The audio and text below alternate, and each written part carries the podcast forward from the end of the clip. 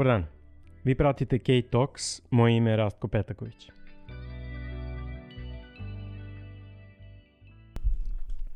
Danas sa nama govori Marko Mudrinić. Marko je direktor i osnivač Netokracije, medija koji posluju u Srbiji, Hrvatskoj i Sloveniji, a bavi se preduzetništvom i tehnologijom. Marko, dobrodošao na K-Talks.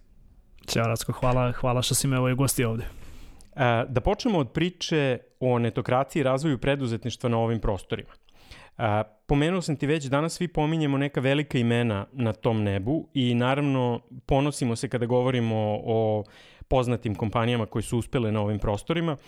ali to nije tako izgledalo pre deseta godina. I iz mog ugla ja sam negde bio možda i previše van tog sveta i previše u nekom korporativnom svetu u kom sam i odrastao i dalje e, živim, ali imam utisak kao da sam u pogledu svesti oko toga šta postoji, a šta ne postoji na nebu startupa i uopšte digitalnom nebu na ovim prostorima, kao da sam proveo poslednjih deseta godina praktično u zimskom snu i evo probudio sam se i odjednom su tu neki ne samo veliki igrači nego i mladi perspektivni igrači, odjednom je tu jedna infrastruktura ljudi koji su spremni da ti danas pomognu da napreduješ, odjednom je tu nekakva infrastruktura i uh, pomoći kroz to umrežavanje i e, praktično podršku koju jedni drugima pružaju kroz sve to, odjednom su tu i neki novi izvori finansiranja, dakle sve je značajno drugačije nego što je bilo pre deseta godina. Kako je za tebe izgledao taj put, dakle ti si, e, nisi bio u zimskom snu u tom periodu, ti si bio e, dnevni svedok tih dešavanja. Kako iz tvog ugla izgleda taj razvoj, šta su bili njegovi najveći uh, naj, najveći pojačavači, šta su bili možda njegovi neki elementi koji su ga sputavali? Da. Pa, pre svega jako si lepo ovaj, sumirao negde, negde da kažem taj period u proteklih 10 godina. Ja lično sam u industriji, eto mogu kažem, malo manje od 10 godina, dakle nekih 8-9 godina koliko zapravo ovaj, i radim u netokraciji. A, baš dok smo pripremali ovaj podcast, kao razmišljao sam o tome kako je čitava stvar, kako čitava ekosistem izgledao pre nekih 10 godina i kao setio sam se tih nekih prvih dana kada a, je ekipa iz Startita organizovala, a, tada su to bile kao pitching, ovaj, nisu bile kao takmičanje, već kao pitching sesije ovaj, a, gde su kao prosto ovaj, domaći timovi mogli da, da dođu, mislim da je to bilo organizovano u, u, u KC gradu, ok, bile su tu i neke prijave svakako, ali u principu stvari je bila jasna kao hajde da napravimo ovaj, jedno, kao jedno manje okupljanje i da se zapravo ovaj, izlože neke ideje investitorima iz bugarskog fonda Eleven, a, ko zapravo ovaj, prati malo duže a, scenu, verovatno će se setiti ovaj, te ekipe, u pitanju je bio jedan od prvih fondova koji je zapravo ulagao a, u, da kažem, brzo rastuće startupe ovde sa ovih prostora. A, I sad situacija nije izgledala toliko drugačije a, od toga kako izgleda danas ako govorimo o tim najranijim kompanijama, dakle to su i dalje ovaj ono timovi od dvoje troje ljudi, dakle par osnivača koji su se okupili, koji prosto žele ovaj koji imaju neku ideju, koji su napravili nekakav prvi ovaj MVP, nekakav prvi nekakav prvi prototip zapravo tog proizvoda koji se danas takmiče za pažnju i za novac investitora, tako da taj deo je manje više negde i ostao isti, ali svakako za tih 10 godina toliko se toga razvilo a, da to više nije samo neka mala zajednica, to je danas industrija o kojoj se priča pa čak i na najvišim ovaj, državnim nivoima. A, vidimo da je prosto i strategija digitalizacije i negde okretanje ovaj, ka preduzetništvu, ka, dakle visokotehnološkom preduzetništvu, jedna ovaj, nova strategija kojom se negde Srbija vodi a, i sve to je lepo videti i naravno kada pogledamo opet stvari koje su urađene, monumentalne stvari koje su urađene u tih nekih proteklih 10 godina, vidjet ćemo da je danas opet daleko lakše doći do mentorstva ljudi koji su već prošli neke stvari u tom, da kažem, inicijalnom preduzetničkom putu, koji zapravo već imaju neko ozbiljno iskustvo ovaj, za sebe i koje ti danas mogu pomoći kroz, ovaj, um, kroz da kažem, savete, kroz nekakve kontakte, pa može čak i kroz neku ovaj, ranu investiciju. Svakako, danas je daleko lakše ovaj, i pristupiti uh, fondovima koji investiraju. Mislim da sada u ovom trenutku imamo sigurno desetak, ako ne i više fondova koji što imaju, dakle, ovaj, registrovana svoja, da kažem, kažem pravna lica ovde u Srbiji što prosto ovaj u Srbiji eh, rade, dakle ovde im, ovde im je negde polje operacija, tako da ta situacija se daleko uh, razlikuje u odnosu na ono što su imali pre 10 godina to je tad sve negde bilo u povoju, mislim da, da su ljudi tad ovaj, gledali na prosto na, na, na, na te mlade a, programere, na te mlade IT-evce koji su se negde i okretali svojim proizvodima kao na možda neku ekipu koja je ovako malo luđa, kao hej, zašto napuštaš posao u velikoj kompaniji da bi otišao sa svoje dva druga da, da praviš neku novu firmu. A, danas kada već imamo taj neki uspeh i kada zapravo se omasovilo, da kažem, ušlo je u mainstream prosto to da ti ono, možeš da budeš uspešan IT preduzetnik, vidimo da, da čak i imena, na primjer, poput Branka Milutinovića su danas, da kažem, manje više onako deo mainstreama, on je naš, ovaj, ono, Bill Gates, on je naš, da kažem, Elon Musk. Tako da, a, situacija se, ono, da kažem, za tih 10 godina dosta razvila u pozitivnom ovaj, smeru. Sada je samo pitanje da pratimo i narednih godina a, kojom stopom će se čitava priča razvijati i u kom smeru će ići. A, opet, pratići situaciju u regionu, verujem da se srpski ekosistem, dakle, da kažem, beogradski i novosadski, ako gledamo po startup genomu, da se zapravo naš ekosistem razlikuje naravno i od ekosistema u Hrvatskoj i u Sloveniji, ali opet, kažem, imamo neke stvari po kojima smo dosta specifični, izborili smo se negde za svoje mesto ovaj pod suncem, ali sada više nego ikada ne smemo da stanemo i sada je jako bitno zapravo da dalje samo nadograđujemo sve te stvari ovaj, koje čine naš domaći ovaj, startup ekosistem. Vratit ću se na to e, pitanje. Mislim da da, postoje definitivno neke stvari u domaćem ekosistemu koje su njegova komparativna prednost u odnosu na mnoge druge verovatno je budućnost uh,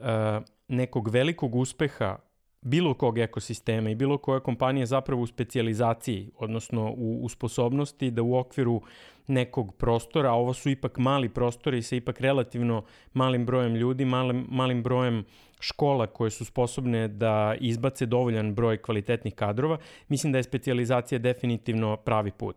A reci mi, opet da ne preskočimo prebrzo tu temu, a, pre 10 godina i danas. Mhm. Mm da.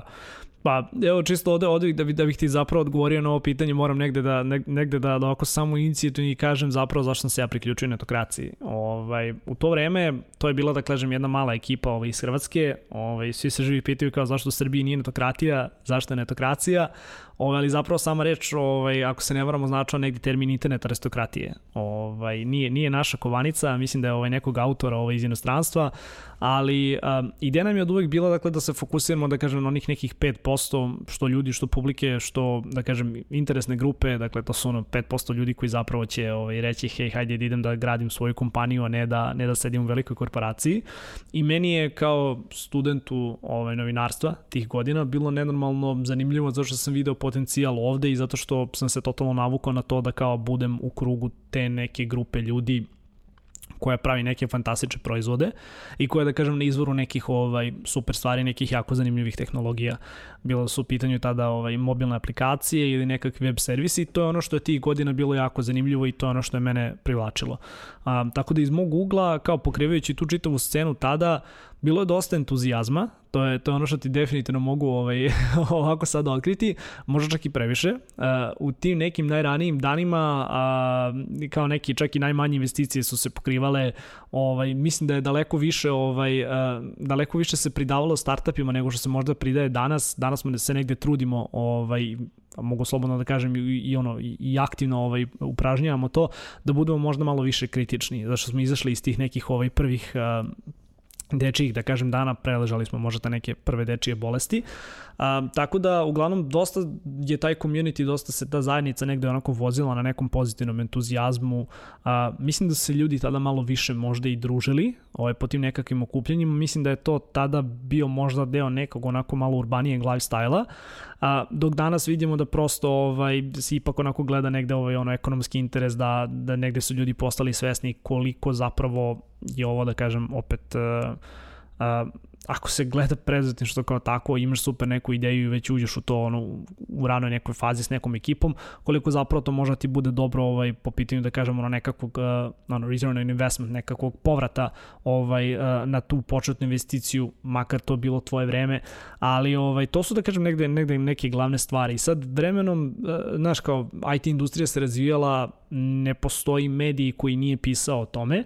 a, od ono, mainstream da kažemo stvari i nekako su mi od uvek gledali kao pa hej to nije možda najbolji način da zapravo ti ovaj pišeš ovoj industriji da pod ne poznaješ njene aktere, pod dva a, nije uspeh Nordousa to samo što imamo kao tri čoveka koji su napravili nenormalnu vrednost ovde i koji ovaj, su uspeli da kažem da, da naprave jednu super stvar, a vrednost je u tome a, što ono kao napravio si, pokrenuo si čitav jedan pokret mladih ljudi koji vide da je nešto moguće uraditi i ta vrednost po meni je daleko vreća, veća nego da sad ovaj, merimo to prosto nekakvim novcem, ali bože moj, znaš, ono, to, je, to je nešto što će zauvek biti interesantno ovaj, svim medijima u Srbiji, da kažem ne, ne nužno negde i netokraciji, ali eto, kroz tih nekih 10 godina postali smo samo više kritični, mislim da sada ovaj, je daleko teže dobiti to neko pokriće na netokraciji, moraš da imaš zaista fantastičnu ideju ili moraš da, da kažem, već imaš nekakav ono, traction iza sebe da bi, da bi došao kod nas, ali i samim tim mislim da jednostavno kompanije su negde shvatile uh, danas, nažalost, ali ovaj, dalje moraš da ih edukuješ kao zašto je bitno da imaš ovaj, ono nekako lokalno pokriće, ali mislim da danas više nego ikada su kompanije zapravo shvatile kao, hej, hajde polje da posetim svom proizvodu i manje da trošim vremena da budem po nekakvim medijima, što naš posao s jedne strane čine težim, ali opet s druge strane mislim da to dovoljno govori o zrelosti samih osnivača koji su sad možda više fokusirani nego što su, što su bili tada. Jasno. A pomenuli smo sad velike igrače, pored tih velikih igrača imamo i, i korporacije koje imaju svoje razvojne centre ovde i oni su sigurno nekako nosioci tog digitalnog ekosistema. Nosioci su i u smislu primera da pokažu da ovde može da se napravi nešto veliko. Nosioci su i prosto zato što vraćaju nešto, vraćaju taj neki goodwill u sistem tako što prave bilo hubove, bilo događaje, uh, bilo dele ta neka svoja znanja i iskustva sa drugima i to vrlo nesebično moram da, da dodam, toliko nesebično da ponekad čujem da, da je sve manje problem ponuditi sadržaj, a da prosto sve manje i manje ima zainteresovanih ljudi koji će to da, da, da čuju i, i, i saslušaju, dakle da je, da je postao, da je došlo negde i do, do veće ponude na tom tržištu, ali ako zagrebemo malo ispod površine, opet imamo nekakav uh, sjaset srednjih i malih kompanija, malih startapa koji su danas ili u fazi ideje ili su u fazi da se nalaze vrlo blizu tome da imaju MVP ili nekada imaju MVP pa traže neku vrstu finansiranja. Kako oni izgledaju danas, kako oni funkcionišu danas, koliko, smo, koliko je netokracija s njima u kontaktu, kako, te, kako se tebi čini da taj deo uh, ekosistema danas funkcioniše? Da svakako funkcioniše daleko bolje nego što je funkcionisao nekih prethodnih godina. Jednostavno, naš ekosistem se nikada ne može meriti po tome što imamo par velikih kompanija, par velikih imena, poput Nordeusa, poput Trilateral ili drugih. Oni su zaista jesu super primjeri, ali ono što čini kor tog ekosistema jesu svakako manje kompanije, dakle mala i srednja preduzeća koja ovaj, posluju u domenu visokih ovaj, tehnologija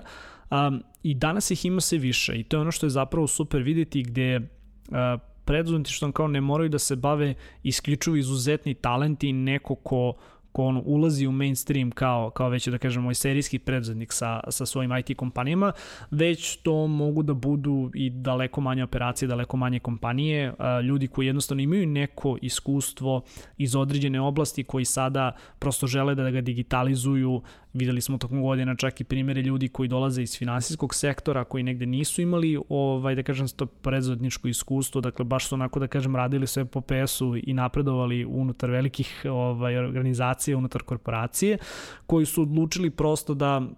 da zađu u svet preduzetništva, da pridodaju svom timu ovaj komponentu ljudi koji znaju da razvijaju tu tehnologiju i da zapravo tu nastaje da kažem ideja kako može da se digitalizuje nešto unutar već postojeće industrije. Na kraju dana mi ako pogledamo ovaj malo širu sliku onoga što se zapravo pravi ovde u Srbiji, vidjet ćemo da je to veliki broj nekakvih enterprise softvera ili ti B2B, business to business rešenja, što evo ako sasvim slobodno mogu da izvučem zaključak da su to zapravo ideje ljudi koji su već imali, da kažem, neko iskustvo unutar nekih ovaj, organizacija, znali su već neke procese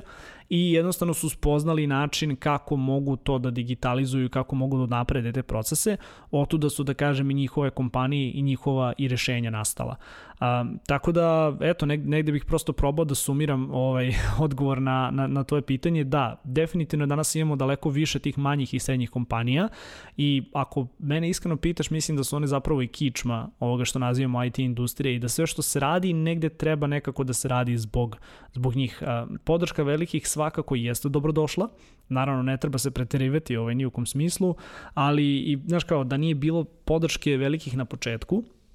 mislim da danas ne bismo zapravo mogli da govorimo o tome koliko je naš, naš ekosistem uspešan i koliko zapravo ovaj, se brzo razvija. A reci mi, koliko mislimo da je u ovom trenutku ranjiv? E, zašto to pitam? Naravno, zbog ove krize u kojoj smo. E, svaki, svaki ekosistem e,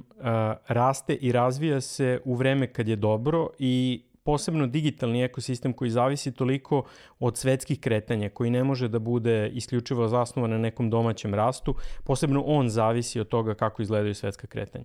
Svetska kretanja trenutno ne izgledaju dobro i mislim da ne treba ni previše vremena trošiti uh, da, da, da govorimo o tome zašto.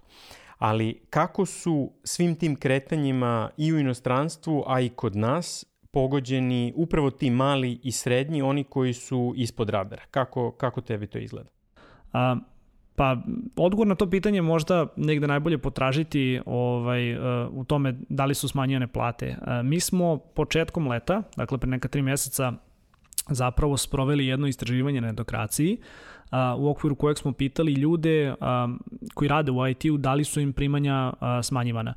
A, mislim da smo imali oko 700 i nešto ljudi koji su ovaj, popunili upitnik, od toga je čak 52 odsto su dakle bili ljudi koji su programeri, koji su se dakle deklarisali ovaj, kao programeri. A, oni su rekli da znači 75% ljudi koji je popunili anketu su zapravo izjavili da njihova primanja u tom trenutku nisu smanjena. Naravno, danas je ono, da kažem, kraj avgusta i verovatno ta situacija izgleda malko drugačije, ali ne bih nužno rekao da u ovom nekom prvu talavsu da je naša IT industrija kao takva a, pretrpela neke ogromne a, gubitke. A, e, svakako ljudi koji su radili na softwarenim proizvodima pogotovo ako su to nekakvi proizvodi za produktivnost a, ili tako neke stvari za, za firme a, koje zapravo im pomažu da rade na daljinu. Mislim da su, na primjer, takve kompanije sa tim proizvodima ovako da kažem, zabeležile jedan ogroman rast. Tako da svakako njima ne možemo da kažemo da, da je kriza nešto ovaj, loše donela u ovom trenutku. Ono gde možemo da kažemo da je bilo negde osetnijeg pada ili da je možda ta nezavisnost veća, jeste kod kompanija koje se bave outsourcingom, dakle kod timova ili čak kod velikih kompanija koje negde rade po projektu. Uh, opet, uh, te firme i njihovi projekti se najčešće vezuju za firme koje posluju a, na zapadu, dakle negde u zapadnoj Evropi ili u Americi i zapravo treba pratiti a, kakve se stvari dešavaju tamo, jer a, ukoliko tamo nastane kriza, logično je negde da će se prosto ti projekti ili katovati ili odlagati i onda da kažem a, direktno ta situacija, to jest indirektno ta situacija može da utiče na, na naše firme ovde. A, svakako je u ovoj priči izuzetno bitno razlikovati dakle produkt kompanije, firme i timove koje prave nekakve sobstvene proizvode koje prodaju ovaj na globalnom tržištu i naravno timove i kompanije koje se bave uslugama, dakle proizvodnje proizvoda za, za druge ovaj firme. A, pitanje je šta će biti u narednim mesecima, svakako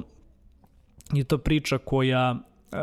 koja ovaj mislim priča o globalnoj ekonomskoj krizi i onom periodu koji nam ne do, to periodu koji nam ne dolazi uh, nisu te prognoze baš sjajne. Uh, ne bih čak ni davao u ovom podcastu sada ovde nekakve predikcije, ali ono što definitivno mogu reći jeste da ukoliko i bude nekog, nekog pada, nažalost ili na sreću, vidjet ćemo da će se IT prvi i vjerovatno i najbrže ovaj oporaviti. Ukoliko i bude nekih manjih padova, prvi ćemo dakle da izađemo a, iz te a, čitave priče. A, više se nekih dakle iz sektora prosto vezuje za to. Mi ako pogledamo internet trgovina ni u jednom trenutku zapravo nije opala A nažalost, turizam jeste segment koji je pretrpeo neki pad, tako da ukoliko imamo timove ili firme koje su zapravo razvijale neka rešenja Ovaj, za taj sektor verujem da je njima sada teže, ali a, malo je nezahvalno opet govoriti o tom nekom generalnom ovaj, pristupu, no ja jesam optimističan jer ovo je nešto što se godinama razvijalo, definitivno kada pogledamo i vrednost najvećih kompanija vidjet ćemo da su ono tipu top 10 zapravo tehnološke kompanije, tako da sama tehnologija će se razvijati, vrednost će i narednim godinama definitivno biti tu i ako smo i da kažem ako, ako smo na pragu te neke svetske ekonomske krize za naš sektor ovo bi mogla da bude samo da kažem još jedna mala ovako stramputica možda neki ovaj prag koji smo se saplili ali verujem da ćemo i veoma brzo da ustanemo i da se ovaj ono da da očistimo ramena od prašine i da nastavimo dalje da da razvijamo neke cool stvari. Slažem se s tobom, ali ono čega se ja plašim je šta ako dođe do neke promene u strukturi kompanija koje posluju kod nas. Dakle, jedna od stvari koje su verovatno davale ozbiljan vetar u leđa lokalnoj zajednici je ta spremnost ljudi da budu preduzetnici, odnosno da odluče da umesto neke karijere u korporativnom okruženju ili umesto karijere u već etabliranom nekom outsourcing poduhvatu, odluče da naprave nešto sami. I to nešto što krenu sami, možda na početku i počnu kroz outsourcing, ali posle toga pređu u, u razvoj svog proizvoda. Čini mi se da je sad u vreme kada, čak i ako ne dolazi do pada zarade, ali u vreme kada verovatno ne dolazi do ekspanzije uh, kod tih kompanija, čini mi se da opet imamo taj, aj da ga nazovemo oportunitetni trošak, odnosno uh, teže je reći roditeljima idem da skočim u nepoznato, teže je reći bilo kome sad ću da probam nešto da radim sa, sa drugarima, a paralelno sa tim plašim se da jedna od posledica ove krize, plašim se iako na prvu loptu može zvučati kao pozitivno nešto za nas, da jedna od posledica ove krize bude to da kompanije koje su do, se do sada oslanjale na lokalne timove podrške za razne projekte počnu da šire svoje timove u Srbiji i da prosto u nekom periodu, u nekom doglednom periodu godinu, dve, tri, uh, doživimo neki razvoj te ekonomije ili IT ekonomije male vrednosti, odnosno taj pružanje outsourcing uh, usluga koje nisu preterano neke dodatne vrednosti, a da imamo manji fokus na razvoj sobstvenih proizvoda koji mogu da budu, uh, budu izuzetno izuzetno atraktivni. I možda da se nadovežem na ovaj komentar, uh, kako ti se čini prvo ovo razmišljanje, jel, jel ima tu nekog, jel ima taj strah neko opravdanje i drugo, kako ti se čini da je reakcija države u proteklih nekoliko meseci izgledala iz ugla tih e, kompanija? Da li je pomogla, da li je odmogla i ne mislim samo na period krize, mislim i na proteklih nekoliko meseci. Pa evo da ti zapravo odgovorim na to pitanje, mislim da negde ovi strahovi jesu, jesu opravdani i da ćemo svakako u narodnom periodu imati veći broj ljudi koji možda negde imaju svoje predzetničke ovaj, želje, koji će želeti da rade u nekom većem sistemu koji će im nuditi nekakvu određenu sigurnost. I, i to je skroz ok. Ne možemo, ne možemo ti ljude da osuđujemo. Ovaj, vidimo čak i da veliki broj freelancera koji su negde godinama govorili kako žele prosto da žive tim, e, tim stilom života, da su nezavisni, da mogu da rade odakle god.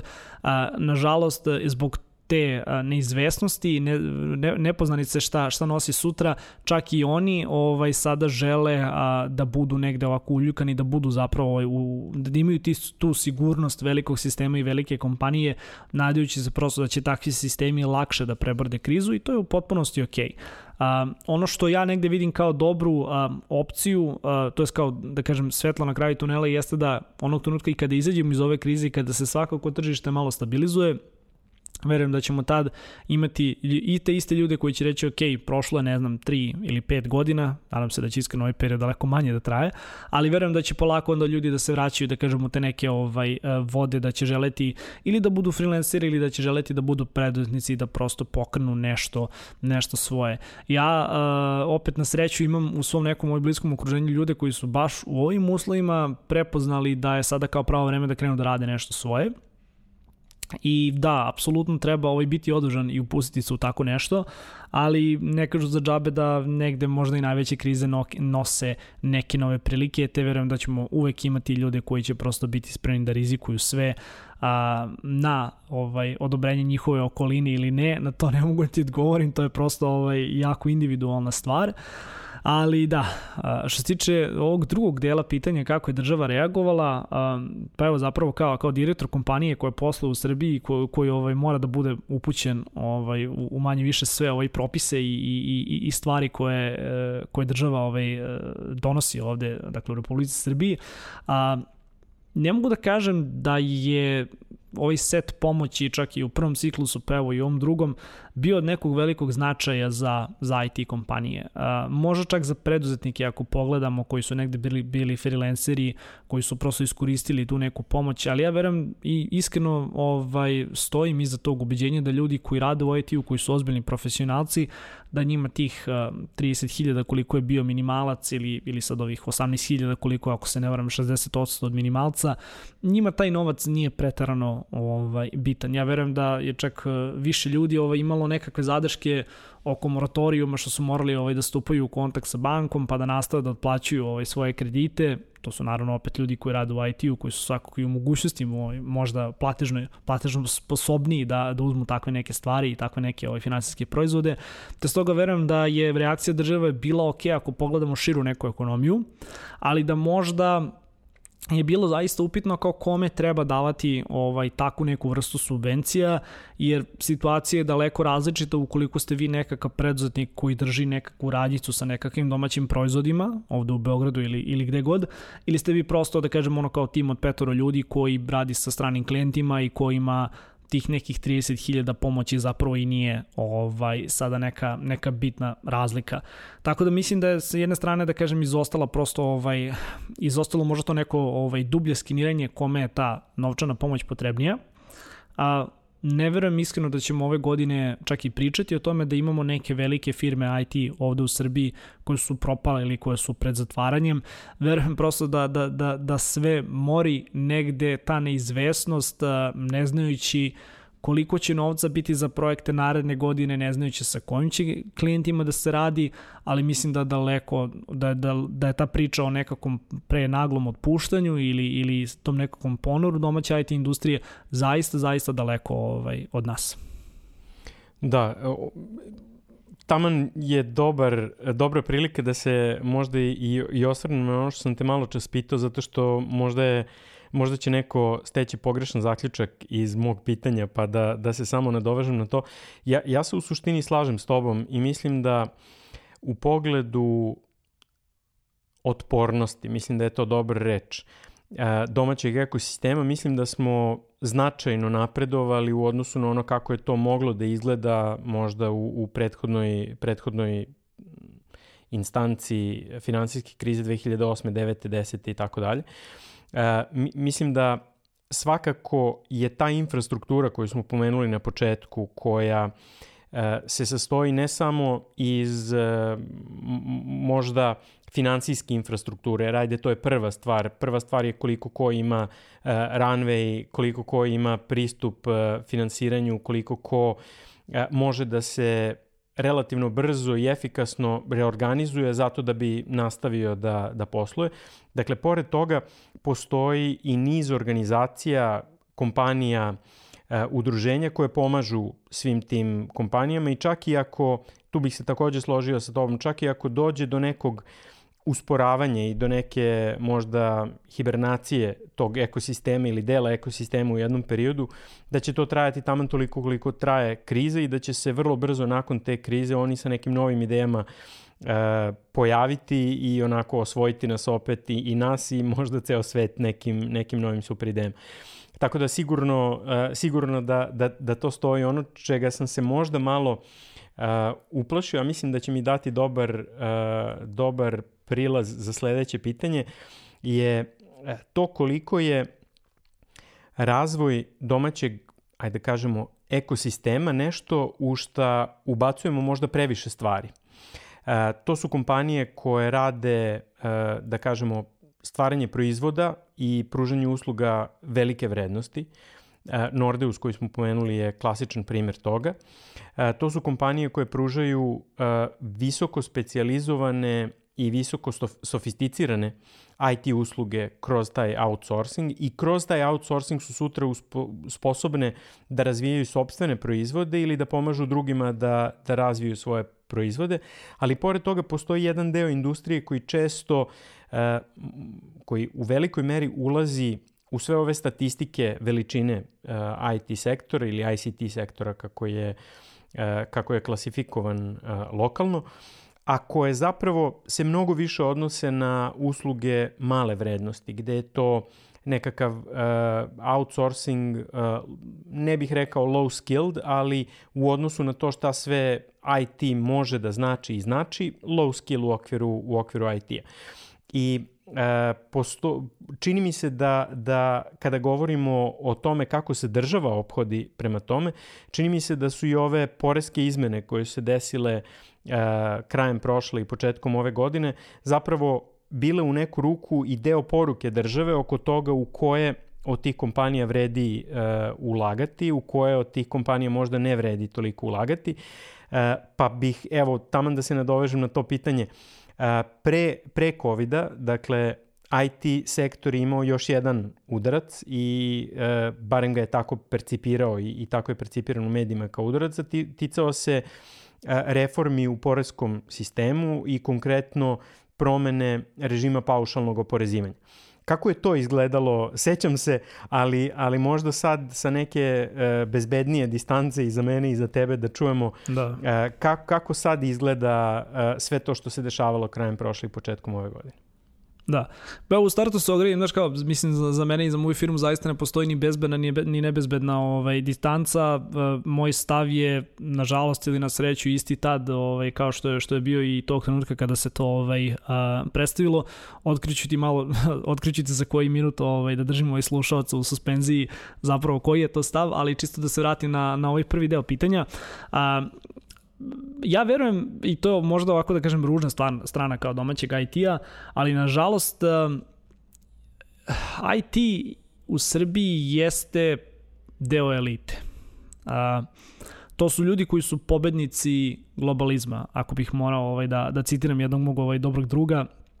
a, Srđan Erceg, ovaj osnivač ovaj, agencije Huge Media, koji je ovaj, rekao tu ovaj, rečenicu na jednoj od konferencija, ali kao svi mi, pa evo čak i ti i ja koji, koji smo danas kao ovaj, na ovom podcastu, znaš kao svi smo mi negde pobedili globalizam samim tim što kao umemo da ukrtimo te nove tehnologije i što svoj posao vezujemo i okrećemo ka novim tehnologijama i što zapravo ovaj, umemo da kažem negde da, da, da umemo da prepoznamo šta je ko možda sledeća velika stvar ili čak i ako ne prepoznamo prvi, umemo dovoljno brzo, brzo da se vežemo za taj trend. A,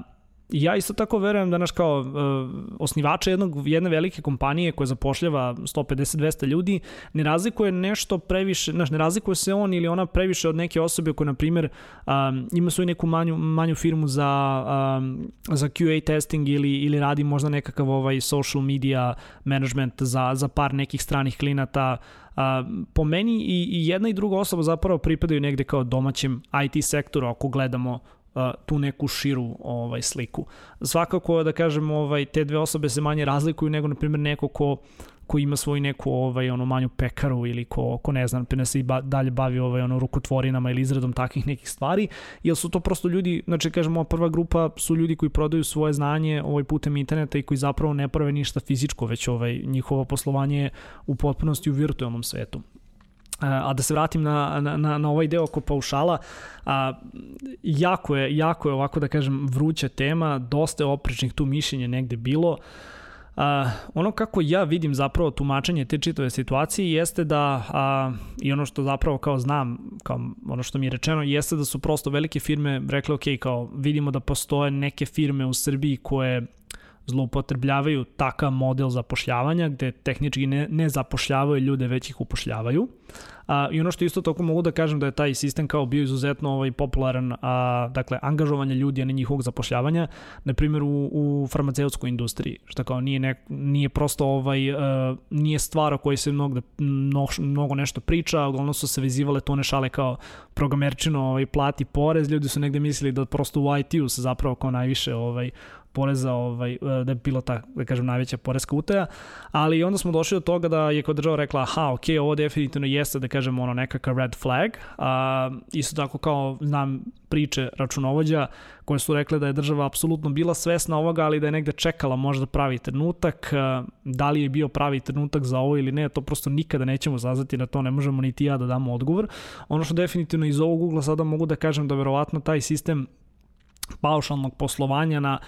toliko, da kažem, širokom ovaj, tumačenju nije mogao za ovek da traje. I to je potpuno ok i verujem da ova neka priča gde ti imaš tri godine ovaj poreskih olakšica, a, koja smo čak kako i mi ovde u, u netokraciji ovde iskoristili da, da, da, da dovedemo par novih ljudi, a, verujem da je to iskreno da kažem potpuno ok način razmišljanja. Ono što ja sada želim prosto, pa iako neko od predstavnika vlade ovaj, ili, ili sektora koji su se zapravo bavili ovim pitanjem, slušao ovaj podcast, želim da pitam ok ljudi, ali kao šta je posle kao te tri godine, znaš kao da li ćemo ono raditi na tome da se taj period ovaj produži, jer dogod te, da kažem, olakšice traju, mi ćemo negde biti u krizi, Samim tim ne verujem da ćemo biti u mogućnosti da se tek tako posle tri godine a, prebacimo na taj sistem, dakle da se plaća ovaj potpun, potpuni porez, dosta da kažem novca tu negde ovaj u igri, I vjerujem da je to zapravo glavno pitanje na koje ćemo sada u narednom periodu prosto svi zajedno i veliki i mali i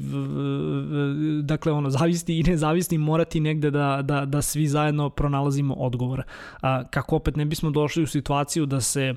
poput drugih nekih socioekonomskih ovaj, standarda da se napravi još veći taj gap, znači između ljudi koji zapravo jesu velike figure u IT-u do ljudi koji su prosto da kažem samo negde nezavisni ovaj, ono mali radnici ili koji imaju svoje neke manje firme.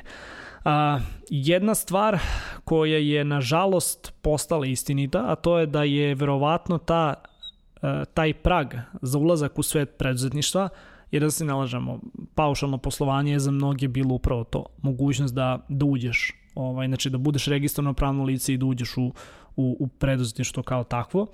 Taj prag je sada daleko uh, viši, uh, daleko je komplikovanije ovaj, otvoriti DO. Ne kažem ja iz ugla da je to komplikovano uraditi, ali svakako nekome ko je mali i ko je nezavistan, daleko je teže ovaj, sada to uraditi. Mora više da se informiše, mora više da se bavi papirologijom. To su, da kažem se, opet neki minusi. Uh, A, I opet ona se negde možda stavlja u, u, u tu poziciju da kao kogod je to uradio u proteklim godinama, znači kogod je kao osnovao firmu do, do, do ne znam, ono 2019. godine i ko se bavio time, imao je možda kao negde priliku da razvije nešto pa da se prebaci na ovaj novi model, pa onda da dalje da vidi kako će da posluje, dok na primjer možda neko ko eto kao sad razmišlja, onako malo više možda prevaga da li, da li želi da uđe u preduzetništvo ili ne. Uh, opet negdje iskreno ne mislim kao da ono jedina priča o budućnosti preduzetništva treba da se vezuje za, za to kao da li ti možeš da posluješ paušalno ili ne. Isto tako, evo, razgovarajući sa, sa ljudima koji jesu ostali paušalci i koji zapravo mogu da dokažu da su paušalci, a, znaš kao, nikome od njih još uvek nije došla neka inspekcija niti klijentima ovaj, koji sa njima rade. Tako da, Šta će od svega ovoga da bude, verujem da ćemo moći da pričamo u nekoj ono opuštenijoj atmosferi, ovo iz neku pivo kroz možda jedno 5 do 10 godina, ali u ovom trenutku nažalost je i dalje a, rano govoriti o nekakvim ono daleko sežnim ovaj efektima. A, moje dakle jedino pitanje je, ok ljudi, ove tri godine će izuzetno brzo ovaj, da, da, da prođu, još pogotovo što ćemo biti u, u vremenu krize, hajde da vidimo kako ćemo ono da produžimo taj neki period i da vidimo koji su rezultati a, o, kažem, prvog nekog talasa, to, ako, je, ako je bilo ono većeg zapošljavanja, kao koji su rezultati i da li mogu prosto da, da, da se produže. Eto. Da, ja, ja mogu samo da se složim. Uh, moj utisak, evo, posle, ne znam, šest meseci, možda i, i nešto više, je da je čitava ova tema uspela da nam skrene pažnju sa onoga što bi trebalo da bude tema. I stekao sam utisak da u suštini umesto da pričamo o tome uh, koje su zaista prepreke za započinjanje biznisa, koje su prepreke i u smislu administracije, birokratije, poreza, angažovanja ljudi, rizika od inspekcija, rizika od inspekcija koje dolaze tu možda i bez povoda stvarnog da dođu, da su to zapravo prave teme o kojima bi trebalo da, da pokrenemo diskusiju i da uh, bi u suštini trebalo da bude svima mnogo lakše i da pokreću biznis i da a, budu u njemu do nekog trenutka naravno kada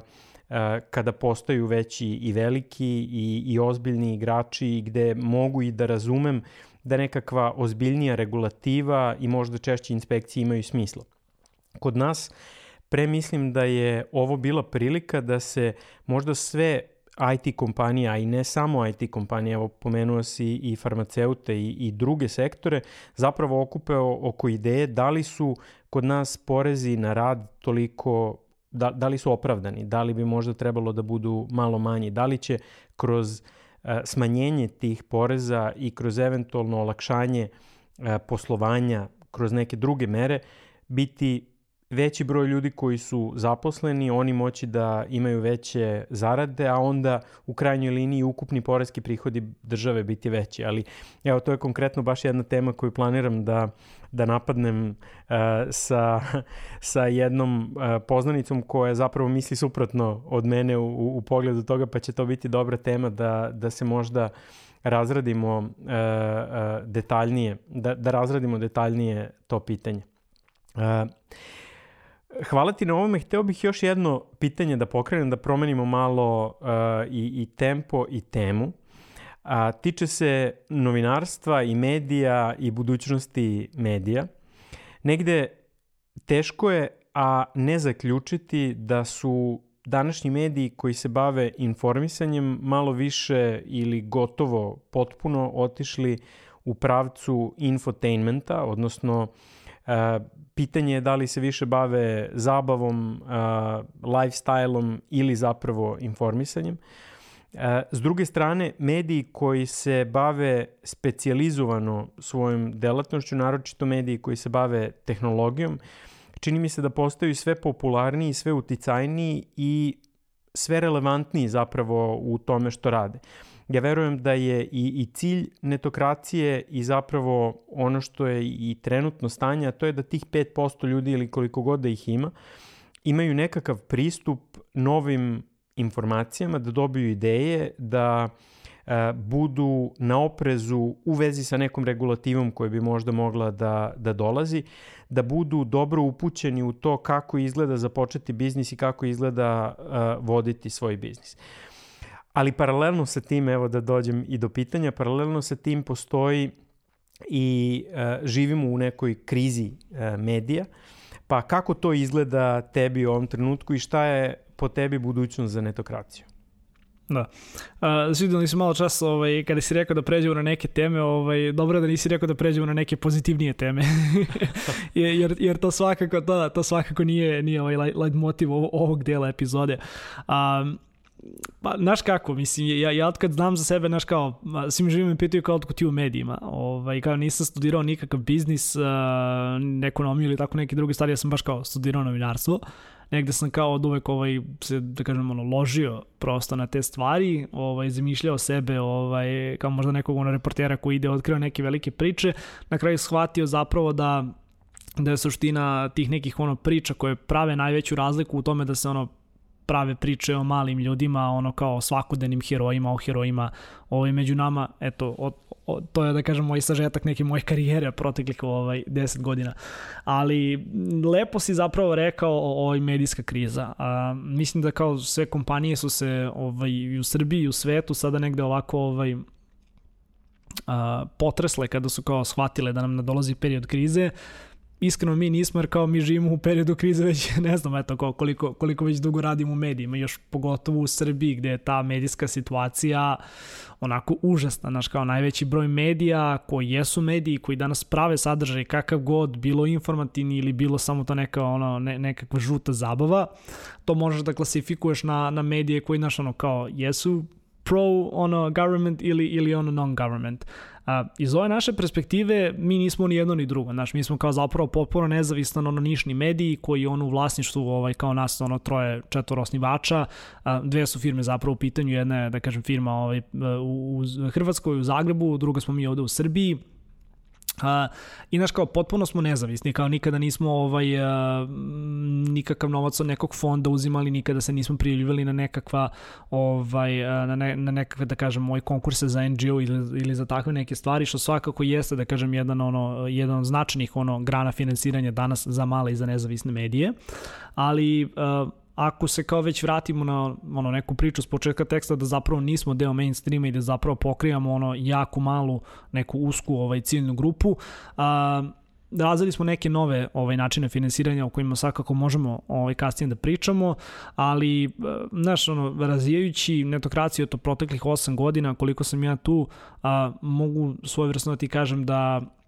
jednostavno ono kao budućnost novinarstva jeste to. Niko živ više ne želi da čita ne znam, politiku, znaš, kao ne želi da ima pretplatu za neke ono velike ovaj, dnevne novine, jednostavno taj način informisanja je postao dosadan. Ovaj, uh,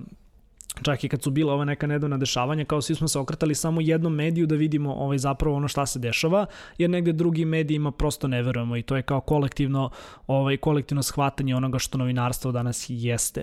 A, ja imam tu jednu izruku koja nažalost izuzetno boli kada se kaže, ali isto tako ovaj, istinita, a, a to je da naš kao istina je skupa i niko za nju ne želi da plati. A, to je ono što je nažalost danas presudno ovaj za novinarstvo i ja verujem da u Srbiji novinarstvo kao pravo novinarstvo gde imaš te tipa par nekih manjih organizacija koje ga danas rade ono nije dovoljno seksi da imaš ljudi, ljude koji će prosto voleti da plate za to. I ti ćeš uvek morati da tražiš neke nove načine finansiranja. Da li je to kroz fondove, da li je to kroz pretplate, kroz neke sitnije pretplate, ili je to prosto kroz nekakve, da kažem, saradnje. Ovaj, a, mi, nažalost, ili na sreću, a pre bih rekao, nažalost, a, radimo i poslujemo na takvom tržištu gde je, na primjer, uvođenje pretplata izuzetno ovaj, teško. Znaš, kao, ljudi će da daju 100-200 dinara za nekakav časopis, ali će jako teško da izdvoje taj novac da plate mesečnu pretplatu za taj isti ovaj sadržaj. Tako da je, uh, a da ti ne kažem opet s druge strane da je hiperprodukcija video sadržana kao koju god temu ovaj danas ono sve prisutna pa pogotovo na YouTube-u. Tako da e, netokracija je možda i, i ono najdalji primjer ono jednog uspešnog medija. Zašto? Zato što mi poslujemo u industriji koja se pre svega jako brzo razvila, a, koja ima novca i da kažem naša publika jeste opet spremna možda s jedne strane da nas podrži, opet s druge strane radimo i sa zaista velikim klijentima, sa velikim kompanijama koji negde ovaj žele prosto da oglase ovaj svoje neke ideje kod nas. Um, mi smo da kažem eto izuzetak od pravila i ne verujem da se ovakav model može primeniti možda na bilo koju drugu industriju što je ono što me nažalost ovako čini dosta dosta ovaj tužnim Ali da, to je to je budućnost ovaj medija u 2020. godini. Bojim se da uopšte nije ovaj a, svetla i bojim se da neće uopšte biti svetlo u narednim godinama, ali Znaš, ono, kao, dogod, dogod se oslanjamo na taj neki ono freemium model, dogod, eh, dogod mediji zapravo ne svate da ovaj, za jako kvalitetan sadržaj moraju da naplate i dogod se ne masovi ovaj, broj ljudi koji zapravo žele da plate za takav sadržaj, bojim se da ćemo to neku žutilo ovaj, vidjeti na, na svim naslovnim stranama. Da, ja, evo sad, iako nije, nije možda direktno tema, uh, prošlo mi je kroz glavu, nedavno sam čitao kolika je cena, uh, koliko je zapravo svotu novca potrošio New York Times na marketing u poslednjih godinu dana, gde je, ako si ispratio, raskinu ugovor sa Apple-om, pre toga je bio u, u Apple-ovoj platformi Apple News, izašao je iz te platforme, nastavio je da naplaćuje isključivo uh, subscription za svoje, uh, za svoje pretplatnike. Uh, i uh, investirao je ogroman iznos, ja sad pokušao sam da ga pronađem, ali nisam uspeo, ali uh, u svakom slučaju čini mi se da je, uh, da je to model, model koji globalno može da priušti izuzetno mali broj kompanija. Dakle, mislim da je to možda na, na prste dve ruke i to jeste jedan od problema sa kojima se suočavamo, ali paralelno s tim uh, nisam siguran da se potpuno slažem s tobom da ljudi nisu spremni da plate to. Ja mislim da jesu spremni za pla da, da plate i mislim da će to da bude jedan, uh, jedan od velikih izuma koji bi trebalo da nam se dese u narednom periodu. Neko bi trebalo da reši taj problem kako ljudi, uh, svi mi koji smo željni kvalitetnih sadržaja, uh, bi trebalo da odvojimo neki novac i da dobijemo taj, taj sadržaj za, za taj novac i da to do, zapravo dođe do onih koji su taj sadržaj napravili, jer to je, to je ta negde suština. Um, i, I da budemo sigurni i u to, a evo, hteo bih da, da i tu temu ukratko otvorim za kraj, da budemo sigurni da kada čitamo nešto na nekom mediju, evo, na primjer, čitamo nešto na netokraciji ili čitamo nešto na nekom drugom ne znam, bilo da je TechCrunch, Verge, koji god od, od tih velikih uh, sajtova da, da pratimo, da budemo sigurni da kada to pratimo, da ne čitamo plaćenu reklamu. Dakle, da ne čitamo nešto što, za što smo sigurni uh, da je plaćeni sadržaj. Kako, uh, ne očekujemo tebe da rešiš tu veliku dilemu, ali evo za početak, kako ti diagnostikuješ taj problem i koliko je to možda problem kod nas, a koliko nije? Da. Evo, odgovorit ću si na pitanje, ali samo da se ne dovežem, pošto nisam hteo ovaj, da, da, te, da te prekidam. A, znaš šta, New York Times je napravio fantastičnu stvar. Oni su ti možda jedan od redkih ovaj, ono, primjera velikog medija koji je uspeo da ovaj, a, da sa ne znam koji je odnos ovaj e, koliko naprema koliko, ali verujem da već poslednje ono kao poslednjih ovaj par meseci, ako ne i možda čak i godina, broj ljudi koji su digitalni pretplatnici je daleko e, nadmašio broj ljudi koji su na primer pretplatnici ono u fizičkom ovaj obliku, znači daleko više ljudi zapravo čita New York Times na njihovom sajtu i pristupa tom sadržaju nego što na primer e, to radi tako što da i kupi kao novine na nekakvom ovaj ono štandu. Čitav taj pokret da se mediji monetizuju na taj način da zapravo uspeju da ovaj monetizuju pretplate. I u Americi došao sa pobedom Donalda Trumpa, što je na primjer ovako zanimljiv uh, podatak jer opet ljudi su negde želeli da se okrenu kvalitetnije novinarstvu, videli smo da su se tada pojavile ovaj ono i razni sajtovi sa nekakvim ovaj lažnim vestima i to naravno jeste izuzetno velik problem. I stvarno taj model okretanja ka tome da pretplatnici da tvoja zapravo publika plaća za sadržaj koji ti ovaj uh, kreiraš, to je de facto najbolji mogući model. Uh, ne mogu baš puno da otkrivam, ali opet e, razgovarajući malo časa na netokraciji i mi testiramo neke stvari i iz ovog ugla bih možda čak i bio toliko bezobrazan da kažem da smo možda i najbolji ovaj model nekog medija koji bi u Srbiji mogao da ovaj dakle uvede pretplate. Zašto? Pa pod jedan kao ciljamo visoko ovaj obrazovane i visoko platežno sposobne ovaj pojedince, pa čak i kompanije. Opet pod broj 2 to je neki sadržaj koji je opet vezan za ono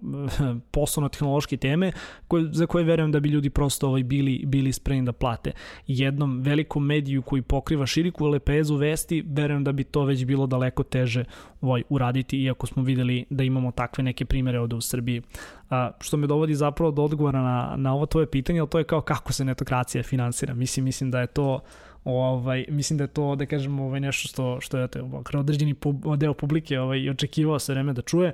A, kao što sam rekao u jednom od, od, od odgovora, znaš kao, mi nikada nismo zapravo se okretali tim nekim fondovima, nikada nismo radili sa, sa velikim ti nekim ovoj organizacijama,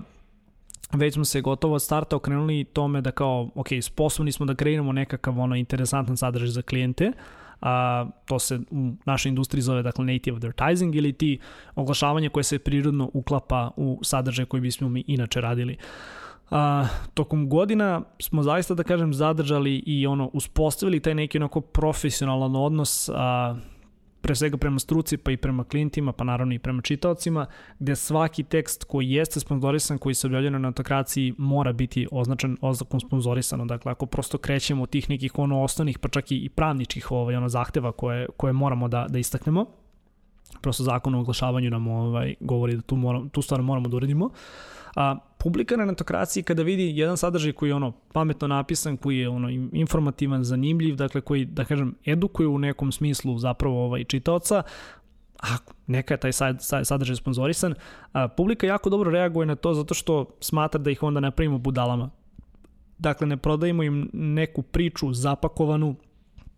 da to izgleda kao još jedan tekst na netokraciji koji bi neko od naših novinara pisao, već potpuno jasno ističemo da je to tekst koji je ono, rađen u saradnji sa određenim brendom, ali suština i ono što, vreme koje je zapravo uloženo u pisanje tog teksta i u istraživanje o toj nekoj temi je ono što na kraju dana donosi krajnju vrednost našim čitaocima. A, evo, po osnovu tog modela radim već e, jedno šest godina. Ove godine smo malo, da kažem, uspeli da, da preokrenemo taj sistem, a, pa nažalost ili na sreću još veći broj kompanija zainteresovan za to,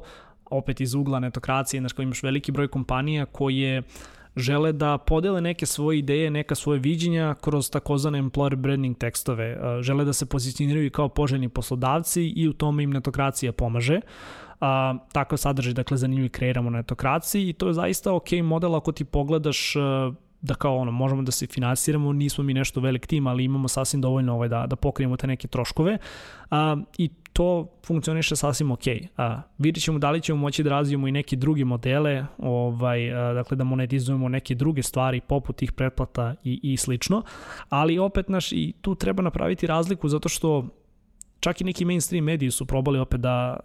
im probavaju, nažalost, i rade,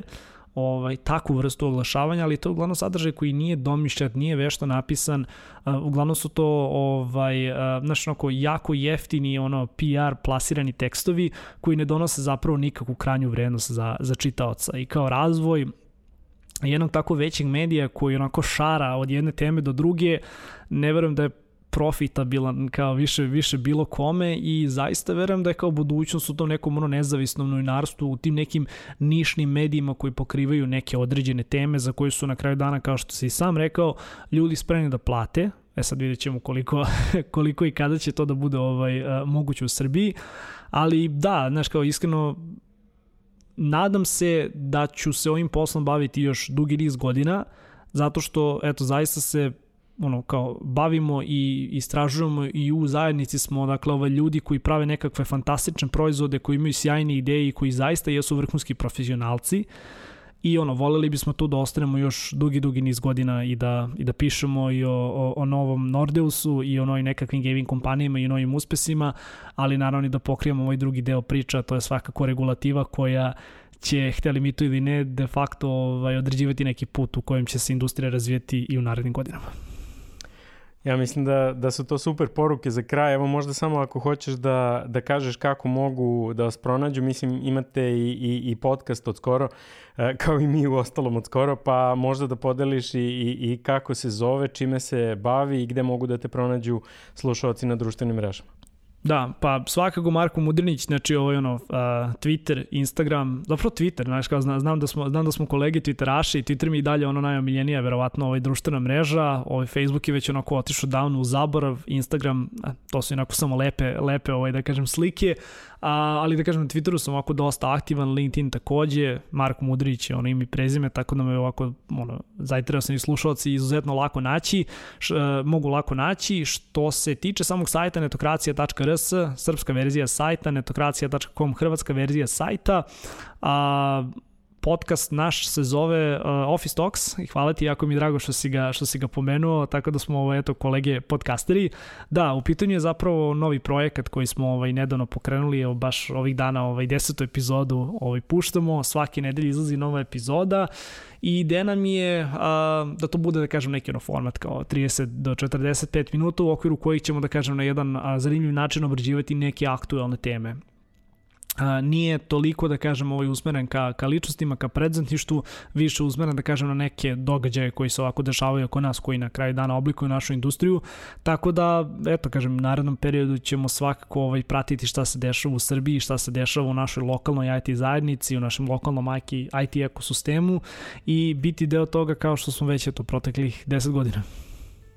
Super, žel, želim ti puno sreće u tome i hvala ti još jednom na ovom razgovoru.